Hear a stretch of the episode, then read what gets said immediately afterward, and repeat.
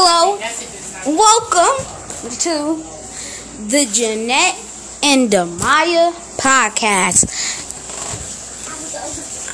I'm I'm Jeanette,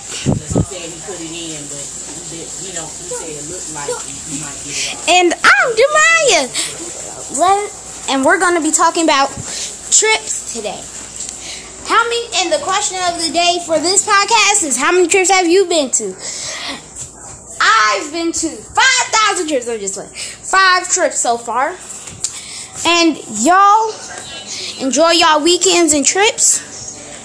And I, I will show you the way to live. Just tune into my podcasts. Just tune in and tune out sometimes in two.